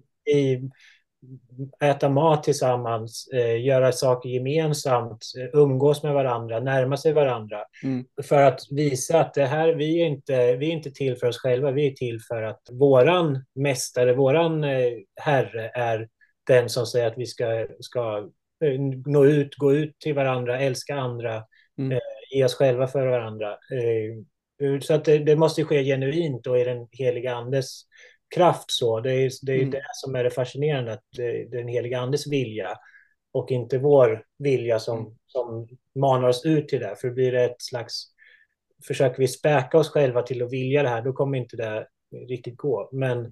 men jag tror det är där som, som man i hög grad börjar och, eh, och på så sätt också underminerar, tror jag, de här strömningarna av att, att säga att det, det kristna, mm. västerländska kristna håller på att försvinna i hot mm. det här, det här, utan det tror jag man kan visa på en annan sätt att vara kristen än, än mm. att framhäva det. Mm. Jag tänker på, ja men jätte, jättecoolt. Uh, och det, det, jag tror det ligger mycket i det att om man i praktiken visar att kristna är med den andra, då är det ju inte det kristna Europa mot den andra liksom. Uh, jag tänker på, på en person som vi intervjuat förut i podden är, är den baptistiska biskopen eh, Malkas Jungoslavili. Sungolashvili. Sungolashvili. Jag tänkte också på det. uh, han, um, nej men han, dels har han mycket uh, samarbete och, och tillsammans med, um, med muslimer uh, och pratar och dialog med dem. Men också, han berättade en historia om, om att det var någon, uh, du får rätta mig om jag minns fel Anton, men att det var någon ehm, person som gick utan kors och blev nedslagen. Eh, och ända sedan dess så har han tagit av sig sitt kors varje, han, varje gång han går utomhus. Liksom, mm. eh, trots att han absolut skulle ha rätt att ha på sig sitt kors så, så i solidaritet med de som inte vill ha ett kors så har inte han det heller. Typ. Mm. Fler sådana handlingar vore väldigt coolt. Mm. mm. Ja, det är en slags eh, en total mots, motsats till hur det här mitt kors eh, eh uppropet i slut, vart det landade i slutändan, om man nu, som jag tar upp i den texten, mm. att det blev ganska på ett sätt kidnappat av just den här ja, populismen. Mm. Och det, att det, går, det var intressant, det, verkligen, det går att använda den tanken om korset på mm. ett inverterat sätt nästan. Ja. Ta av dig ditt kors och följ mig. Mm, Precis. Mm. Du avslutar den här artikeln med att, att säga att om man vill bekänna Kristus i ett kristet Europa inom citationstecken så kommer den kristenheten idag alltid komma med en äcklig brun svans. Mm. Fritt översatt från, från engelska. Ja, jag tror inte jag skrev äcklig, men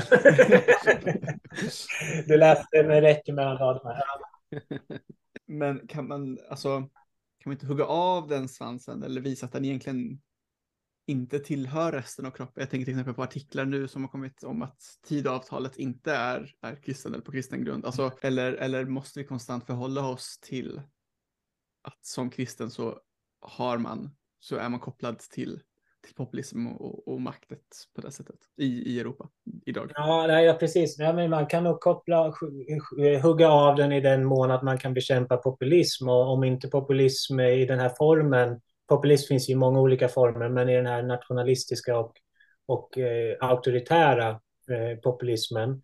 Om man lyckas få dem på andra tankar och sluta hänvisa till eh, kyrkan och kristendomen som en identitetsgrundande europeisk del som eh, då ställs emot islam, ja, men då har man ju på ett sätt lyckats på ett annat sätt. Men, men eh, jag ser inte det hända. Eh, utan min, min poäng är lite att kyrkan styr inte över den, vad populismen hävdar, utan då om mm. kyrkan ska hålla till sin del, vad den kan göra, då är det att utleva eh, det här kenotiska uppmaningen ifrån Paulus och ytterst sett från Jesu liv och död och uppståndelse. Mm. Så att eh, det, den här är ju på ett sätt en, en tecken på en, en kontextuell teologi som mm. utgår ifrån att ja, men det, så här, jag vill ju försöka visa eh, och belägga att eh, populismen i Europa och även hänvisa lite till USA, men har försökt att göra det så sparsamt som möjligt. Mm. Men att populismen i Europa de, de argumenterar det här så starkt, det finns så starka belägg för att populismen grundar sin islamofobi i mm. att hävda kristendomens roll i Europa. Mm. Uh, och, och där ska vi också försöka att förstås bekämpa på olika sätt, tänker jag. Men, men där blir ju den politiska kampen i sådana mm. fall.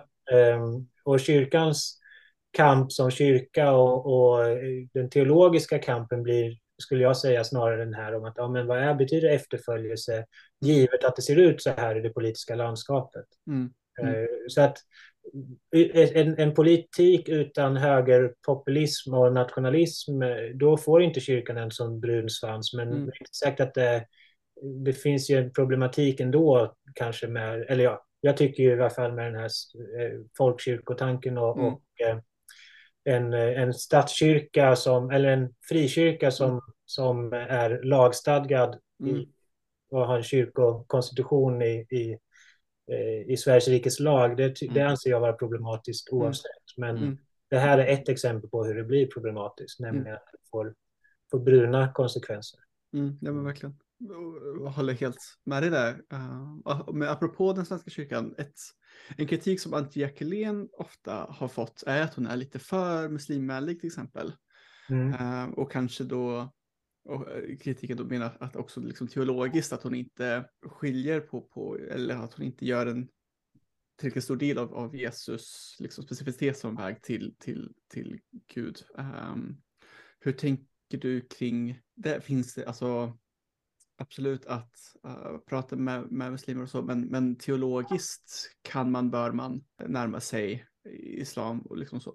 Ja, jättebra fråga. Jag, eh, med tanke på de här barn, barnfrågorna så är det såklart mm. att man, man får en massa frågor man egentligen inte skulle vilja svara på, bland annat på om andra religioner och sådär. Som jag, inte, jag tycker inte jag har riktigt läst in mig och liksom funderat mm. riktigt på de frågorna tillräckligt för att ge ett eh, Eh, jag är inte riktigt tillfredsställd med vilka svar jag skulle ge där. Men mm. när jag läser, jag undervisade i religion och så, så jag, jag har någon slags eh, liksom inläst på någon nivå på ett sätt då, vad gäller islam. Och där jag läste hade man en, eh, i England så hade man en, också ett study research center vad gäller islam och kristendom. Så jag har väl haft med mig den frågan, men inte riktigt fördjupat mig tycker jag på det sätt som jag vill. Men mm. min tanke när jag läser så är det ändå att islam och kristendom eh, ger två olika bilder av vem Gud är. Mm. Att som religion och som teologi betraktat så, så eh, är de i, i väldigt stora, eller ja, i, i, kontrast med varandra. För klart det mm. finns eh,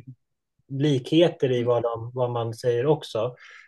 Så att eh, det är inte liksom min, eh, eh min eh, sätt att förhålla mig till islam är inte att göra så att säga religionsteologi mm. i, i, att, att försöka se de likheterna och, och tänka att det här eh, ja, frågan om om det är samma Gud och så vidare tycker jag, den, det beror på hur man ska besvara den. Ska man besvara den utifrån att man försöker göra en teologi utifrån Koranen i jämförelse med den kristna teologiska teologin, då, då tycker inte jag det verkar vara samma Gud som man mm. pratar om. Mm. och det, det märkte jag ju att det, en, ja, kanske främst från Svenska kyrkan som man är kritisk att jag säger något sånt. Jag säger inte i så raka ord i, bok, i barnboken, men det är det som jag är inne på. Det, men det är min, mitt förhållningssätt till det. Sen, eh, sen är det ju uppenbart så att det är en mängd muslimer som jag tror ber till, eh, till den kristna guden. Eh, mm. och möter, sig, den, möter den kristna guden eh, och så. Så att jag, jag, jag tror mm. att man, det är väldigt svårt att göra eh, skarpa linjer här. Um, så att jag tror återigen här att, att uh, jag vet inte om man måste möta det på det teologiska sättet och, och jag har inte satt mig in i den debatten, men mm. som du säger, kritiken emot eh, alltså jag tror inte man nödvändigtvis måste ta det, den, eh, närma sig så teologiskt. Mm. Eh, det finns ju, finns ju exempel på väldigt goda relationer mellan kristna och muslimer där man eh, faktiskt tar, inte närmar sig bekänn, bekännandemässigt speciellt mm. nära mm. alls. Eh, de eh, bråkar om sin teologi och är, är vänner som mm. eh, personer. Så att jag, jag, tror nog att vi ehm, Ja, kanske att vi är för mycket konsensusinriktade och kanske borde vara lite mer eh, om man nu ska säga som, som eh, Jimmy Åkesson anklagar att det finns arabisk mentalitet i Sverige så kanske borde finnas lite mer arabisk mentalitet mm. i att våga möta oliktänkande mm. eh, på, på ett, eh, ja, ett sätt som inte skrämmer oss så mycket. Mm. Det är också ett sorts, eh, nu, ursäkta, vi, drar, vi är lite, det tar lite tid här, men mm. eh, det är också ett sorts kolonialt tänkande att man hela tiden måste liksom infoga den andra, eller vad man ska säga, i sitt eget, liksom, att mm. du är samma som jag och mm. sådär. Mm. Eh, alltså att den inte får vara, den får inte vara sig själv, utan det måste mm. hela tiden, jag måste hela tiden dra in dig i mig, liksom, på något sätt, att du är samma som jag. Eh, ja. Så, ja. ja, men precis, det är ju, och, och det, eh, läste en otroligt intressant, ja, det är väl ett tips om ni inte har intervjuat henne, Sara Gelin som är kollega till mig, hon skrev en väldigt intressant text om Nathan Söderblom där, där Eh, hon lyfter fram både då den här ekumeniken men också att det finns en nationalism hos Nathan Söderblom men också att den ekumeniska tanken är ju på många sätt att ja, men allting ryms i lutherdomen. Mm. Eh, och att det är liksom lutherdomen som är själva nyckeln till den ekumeniska rörelsen. Mm. Eh, men pingstvänner och till en början katolska kyrkan och så, de vill inte in i, i lutherdomen. Så att, eh, det är lätt att tänka sig det här att ja, men, vi liksom, och det är väl egentligen min kritik emot mot eh, allt för starkt dragen eh, religionsteologi i, i, till exempel John Hick och så vidare, att man, eh, ja men den här himlen som alla kommer till, den här guden som alla ska till, den, vad händer om den inte alls är presenterad på det sättet som jag vill? Alltså en, mm. en som jag då, frikyrklig kristen, en som är övertygad hindu på samma sätt som jag är övertygad frikyrklig kristen, den kanske inte alls vill in i John Hicks himmelrike till exempel. Så vad gör man med det? Det, det, det har jag jättesvårt att riktigt eh, eh förstå hur man tänker i, i den, det sättet. Mm. Det är en fin tanke, men jag, jag mm. lite grann att jag tycker att man inte respekterar eh, mm. den, den övertygelsen som, som människor har. Mm. Då får vi tyvärr vara oense om, om massa olika saker. Mm. Det är obekvämt. Mm. Mm. Ja, men tack så jättemycket. Vi har ett par frågor som jag brukar ställa till alla eh, våra uh, intervjuoffer och en av dem har du redan svarat på, men, uh, men vi kan återkomma till det också. Men den första är, vem är Jesus? Oj, um, ja, jag har ju kursen i kristologi här, så att det, det är risken att det blir ett långt svar. Nej, men vem är Jesus? Jesus är Gud och människa verkliggjord i, genom en person. Amen. Uh, vem, och, och um, du får upprepa, säga samma sak om du vill, men vem borde vi intervjua härnäst? Ja, men Sara Elin är ett bra exempel. Jag mm. tänkte även på Jonas Kulberg som eh, är eh, lektor i, i Digital Theology på Spurgeons College. Mm. En, han är svensk. Men han också, ja, han startade upp en, ett nätverk gällande populism och teologi och kyrka. Mm. För ganska länge sedan nu. Men, men en, han, om ni inte har pratat om digital, digitalisering och teologi och och så, så är han mm. en verklig expert att prata med. Så det är väl två tips. Mm. Superspännande. Kul. ja, vad fint att du kunde vara med oss. Ja. Ja, men rent nöje.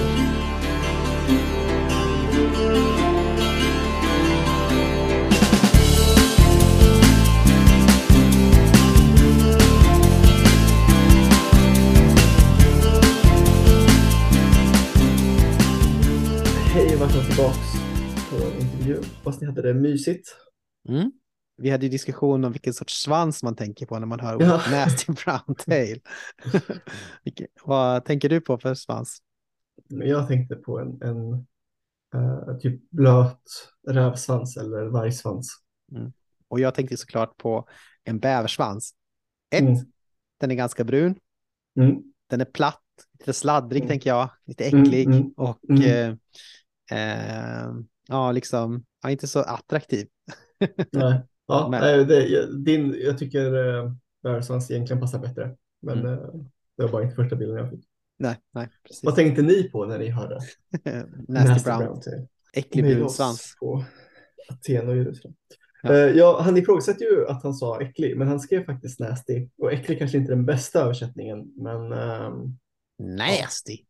Ja, exakt. Men jag tycker att det är, jag tycker äcklig var en bra översättning. Alltså jag, håller med, jag håller med dig. Jag står emot Josef här.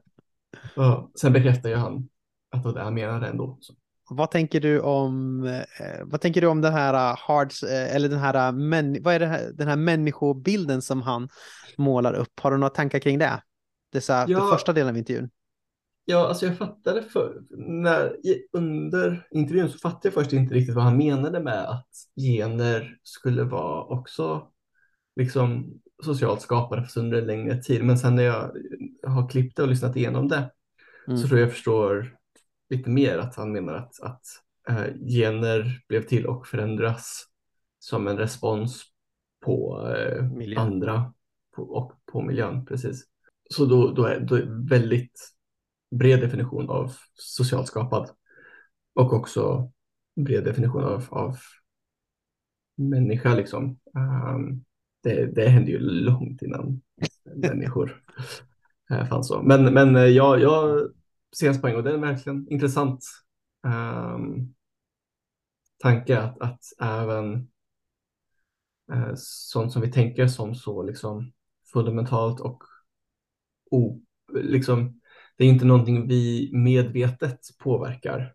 Mm. Um, och det är väl ofta det man tänker på när man tänker på socialt konstruerade saker, att det är liksom någonting som finns eller skapas av medvetanden, tänker jag. Men även något som inte är det egentligen är skapat på grund av, av sociala faktorer. Men säger man inte det liksom egentligen lite samma sak när man har det här Eh, man brukar ofta bege sig ut på savannen va? när man ska förklara, mm. när man ska vara lite evolutionsbiologisk. Mm. Ja, men ute mm. på savannen, då mm. behövde man egenskapen att vara rädd för att mm. eh, man skulle behöva vara rädd när en dinosaur, nej inte dinosaurier, när en eh, noshörning kom mot en. Mm. Eh, noshörning är pretty safe safe kort att ta, ta till, men de har mm. funnits länge. Ja. och eh, eh, lite så, alltså man brukar väl ändå, då är det ju som en sorts eh, mm. människans ja. miljö som man då tänker har format eh, en viss sorts respons på vissa situationer och sådär. Mm, det är sant, absolut. Mm. Evolutionspsykologin utgår ju verkligen från det. Men då kanske man å andra sidan eh, menar att den här savanngrejen är ganska låst sen, så kan man inte savanngrejen går inte att... Mm. Det är ju sant, det går inte att, att förändra så här hux flux, men det är liksom, man kanske ändå tänker att det är lite mer, ännu mer låst än vad man behöver göra. Mm. Socialt konstruerade är ju också, det är inte bara att eh, folk tänker saker eh, och säger saker, utan det är också eh, en människas sociala miljö liksom, som är mer omedveten, mm. eller vad man ska säga. Ja. Det är sant. Mm. Men sen så, det är ju intressant det här med kultur och miljö mm. och grejer. Alltså, um, jag har läst lite Platon på sista tiden.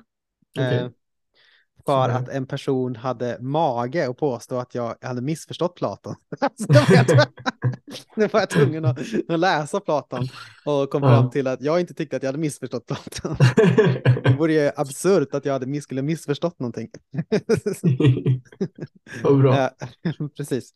Eh, men min poäng är, eh, eh, nej, nej men det, det är intressant därför hur man pratar liksom om eh, om man får prata om sex och sådär, också där mm. är det ju mm. väldigt tydligt att eh, om, om man tänker så här, filosofkretsen så är ju till exempel, då är ju samkönat sex med en älskare och kanske föredragsvis med en pojke liksom, eh, mm. typ 12-13 eller något sånt där, är ju det bästa liksom. Och, ja, alltså i, i, i Platon. I Pla hos Platon. Ja, Platon, ja. Platons, Platons vänner liksom. Mm. Det är det bästa och så. Eh, mm och det är ju väldigt intressant att det är, alltså man har ju såklart sex med kvinnor för att få, för att man gifter sig med kvinnor och man har och så här, men det är liksom lite så här, eh, det är lite lägre status för att det är liksom att älska en mm. kropp istället för att älska en själ, för människan är mer, eller mannen är mer själ liksom och så där. Mm. Eh, mm. Lite sexistiskt också sådär. Men mm. min poäng, det, det är bara intressant, den grejen att, eh, mm. att eh, liksom begärsstrukturen kan vara så eh, annorlunda, i alla fall i den här liksom eh, Platons filosofiska kompisar som han, eller när han mm. återger till exempel, när han återger och hittar på Sokrates och hans kompisar, hur de pratar. Alltså, är det liksom så här common sense och eh, så, att det är så mm. här mm. liksom det fungerar. Så. Mm. Ja, och det har inte så jättemycket att göra med kanske, ja, det är kanske inte så mycket att göra med evolutionen, men det är liksom å andra sidan, det, det är intressant det här med ja, miljö i det fallet, att det är också, människan är ju både biologi och kultur liksom. Mm.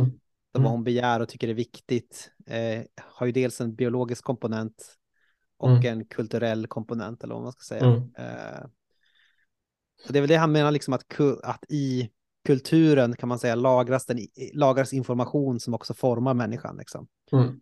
Eh, också, också har potens, potential att forma människan, liksom också på något sorts biologiskt sätt.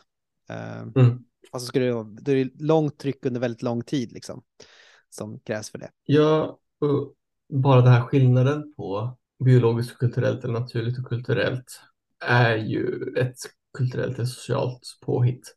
Mm. Om man hårdrar det. Människans biologi är ju att vara kulturell kan man säga. Ja, men verkligen, men också att, att påstå att, att någonting är biologiskt och någonting är socialt. Liksom att, ja, just det, ja. Att, det, att man kan göra typ två snygga sfärer liksom. Precis.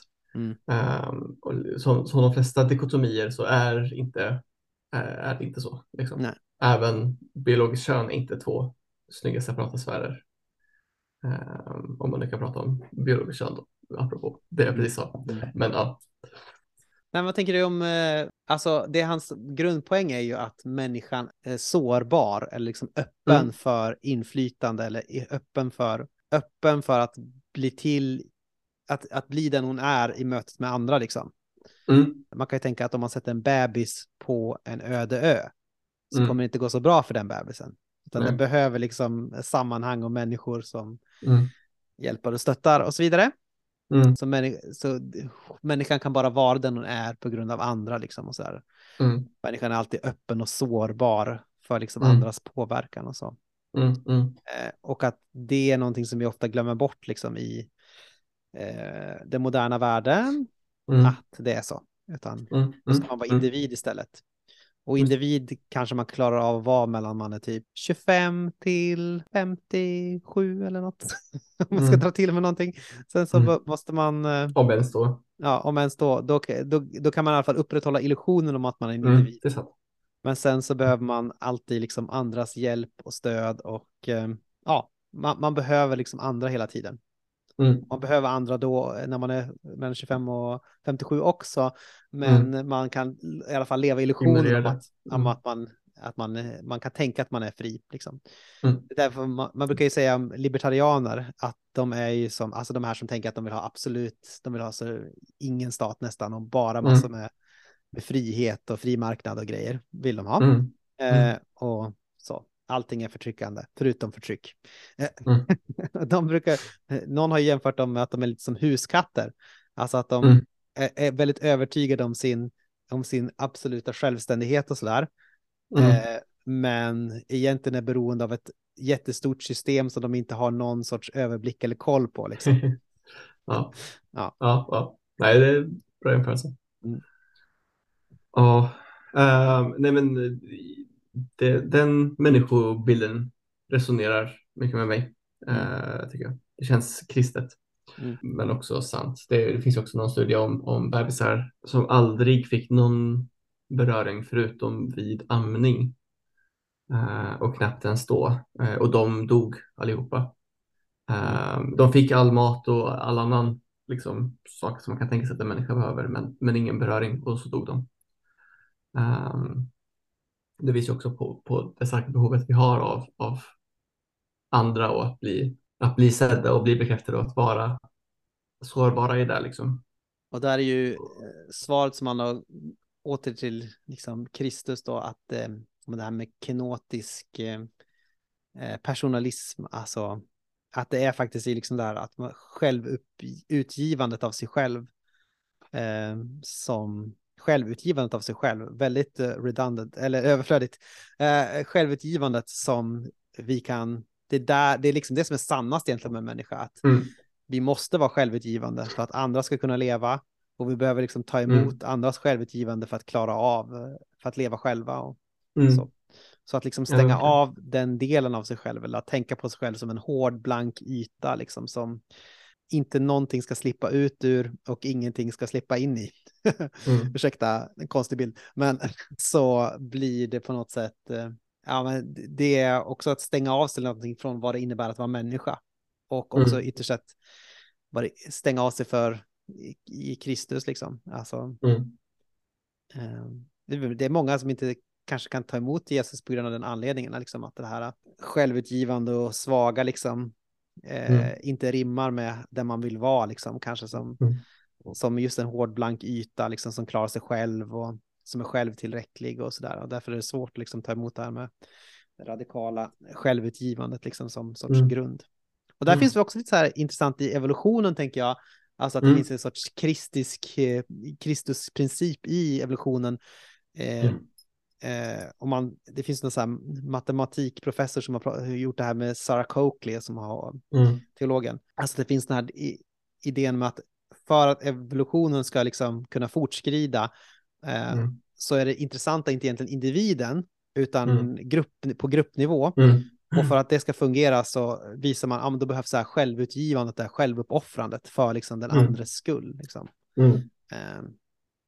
Eh, och när det kommer till just djur så är det framför allt att man offrar sig för eh, liksom, sin egen art eller vad man ska säga, sin mm. egen stam eller så.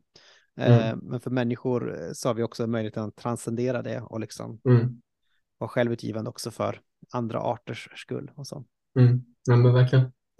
Um, och även alltså, till exempel hundar kan ju vara där för, för alltså, så det, nej men det är verkligen coolt och, och med just det här om, om myten med the selfish gene. Mm. Uh, det, ja. The social gene. Exakt. ja, men det finns mycket gott och fruktbart i det tankesättet tycker jag. Um, dels sant men också liksom som bär god frukt. Mm. Um, och det är väl ofta så med saker som är sanna om man kan säga att liksom det här, alltså om man, om man ska säga den darwinistiska tolkningen av evolutions, alltså, eller den social-darwinistiska tolkningen av evolutionsteorin mm. som eh, liksom the survival of the fittest och alla krig mot mm. alla, mm. den stämmer mm. ju inte liksom med... Inte helt, nej. Eh, det finns väl någonting i den, men det är liksom inte, mm. kanske inte är liksom den huvudsakliga berättelsen egentligen, utan det är egentligen det här, finns någonting snarare i det här kristiska, självuppgivande liksom, som mm. är också driver evolutionen fram. Så att eh, mm. det visar väl på något sätt att världen är skapad genom ordet Kristus mm. som har talat det och det finns det, någon, det finns det svaga ekon hela tiden av mm. eh, av slammet som är slaktat eh, innan jordens grundläggning. Mm. mm. Det, finns, det finns så mycket gott att hämta in, inom evolutionen för, kristna om man mm. slutade bråka mot det. ja, men jag, jag har flera gånger vid det här laget predikat om eller talat om hur en, en, en, en, en tro på accepterande av evolutionsläran gör oss mer ödmjuka. Liksom. Mm. Um, för då, då får Gud en större roll i vår särskildhet. Just det, för du har ju haft den här idén liksom om, du har pratat om det här med avbild va? Alltså vad det innebär att människan är Guds avbild och att Ja, är det det som utvald. Det, ja, att vara utvald, är det det också som eh, blir något sorts, eh, att man får mer ödmjukt förhållande om man ser sig själv som också eh, i, i, en lång kedja eller vad man ska säga. Exakt, och som ett, som ett djur som alla andra liksom. Och, och på sätt för att man ska kunna bli den här utvalda så är man beroende av massor med lägre, vad man, ja, enklare livsformer liksom under mm. en som för att man mm. skulle kunna blivit det här Guds utvalda. Liksom. Verkligen. Mm. Kan det förklara också det här med att eh, Romarbrevet 8, att eh, när Guds eh, söner, alltså det här med att skapelsen väntar otåligt på att Guds söner ska träda fram, liksom. Har det, har det någonting att göra med att eh, hela skap genom evolutionen så är vi också på något sätt förbundna med hela skapelsen, så att när vi blir mm. befriade så har det liksom kedjeeffekter mm. eh, hela vägen ner på något sätt. Mm. Ja men verkligen. Och liksom även en, en liksom typ Young Earth Creationism skapelsebild menar ju att även människan är en del av skapelsen såklart mm. för att vi är skapade av samma gud. Men jag tycker att, att evolutionsläran gör det mycket tydligare hur stor del av skapelsen, eller hur vi bara är en del av skapelsen. Liksom. Just det. Vilken dag skapades människan på eh, enligt eh, skapelseberättelsen? Sex. Ja, precis tillsammans med de andra landlevande djuren. Exakt. Mm. Den sjunde dagen är, är sabbat, är Guds dag, när man vilar. Precis. Tillber tillsammans med resten av skapelsen. Fröjdas mm. i att Gud tyckte att det var mycket gott. Och det var människans första dag. Första dagen på vilodag. Ja. Eh, precis. Nej, nej, men det som, jag tycker verkligen om att använda vetenskap för teologi. Mm. Så det tycker jag är kul. Har du, tänkte du på någonting angående populism och, och, och kyrkans roll för och emot det? Eh, nej, men jag tyckte du sa bra saker. Liksom. Ja. Eh, jag, är, jag är med på tåget. Mm. Men jag, om man ska säga någonting så tänker jag väl det här som vi är lite inne på, att eh, överlevnad för sin egen skull. Mm. Det är ju kanske också lite, att vi har lite för mycket den den inställningen på något sätt att eh, mm. vad ska man ha den här överlevnaden till? Mm. mm. mm. Var, varför ska vi överleva liksom? Mm. Vad är poängen med att vi överlever? Mm. Vad hjälper det en människa om hon vinner hela världen men förlorar sin själ? Men vad kan hon återvinna sin själ? Mm. Vad är poängen med att vi överlever som organisation om vi ändå inte har någon ande i oss som är annorlunda eller så? Då är det väl ingen poäng. Om inte den här, mm. den här annorlunda anden verkar där i. Mm. Och får, det... göra, får göra avtryck på vår plastiska kropp. Verkligen. Det är svårt att vara en kyrka som minskar. Det är svårt. Decline, eh, precis, det är väldigt lätt att man blir desperat också om man är en kyrka som mm. minskar. Mm. Och eh, söker frälsare och kyros gestalter överallt där man går. Mm. Hos SD till exempel. Till exempel. Och eh, ja, det blir, kan bli, man blir väldigt konstig när man är liksom pressad av det där. Mm. Så kanske förkunna det, friheten i att dö mm. för, för församlingar. Verkligen. Men samtidigt, alltså på något plan så tänker man ändå behöver uppmärksamma att unga vuxna lämnar eh, församlingar. Alltså det, det, finns ju en plats för det också. Ja, ja absolut. Men det, det är väl fokuset liksom och om man kommer ihåg varför ett om det hjälper en till omvändelse till exempel. Alltså, mm. Mm. På de punkt. Tillbaka till Kristus. Ja, precis. Mm. Men fint. Ja. Börjar rinna iväg här tiden. Du måste också ha tid att mm. klippa det här. Exakt. Ja. Tack för att ni lyssnade. Låt era tummar eller hela era händer löpa över ett tangentbord eller mm. en skärm och skriv in patreon.com snedstreck Aten i Jerusalem och mm. eh, donera en slant varje månad. Vi är ett litet glatt gäng av eh, patroner, mecenater och så vidare. Man kan också sak göra saker som att följa på Twitter och FB. Mm. Vi, får se, vi har pratat om att vi ska öka vår sociala medienärvaro någon annanstans också, men det har än så länge inte blivit av. Vi Nej. pratade om det på vårt årsmöte, Aten Jerusalems årsmöte. Ja, det, det är svårt när vi bara gör det på fritiden. Liksom. Ja, precis. Men det man kan få på Patreon, jag gick precis in på patreon.com slash Aten och Jerusalem. Man kan få tacksamhet, man kan få en funky vintermössa mm. och man kan få medverka. Ja, precis. Om man ger så kan man få en funky vintermössa. Om man ger en summa pengar så kan man också få medverka. Uh, och det var så Viktor kom in i den här podcasten faktiskt, att Precis. han mutade sig. Exakt, jag köpte mig in. Han blev ordinarie. Han är, han är Aten Qatar kan man säga. Precis. Minus uh, migrantarbetarna. ja, det är då många migrantarbetare som har bidragit till mig också. Du är sårbart öppen för migrantarbete. Precis. Ja, men fint. Uh, vi finns på Twitter och Facebook. Och mm. mail. Och mail. Atenajerusalem at gmail.com. Precis. Glöm inte att skriva vilken slags fans ni tänkte på. Mm, precis. Frid och kärlek. Blod och eld.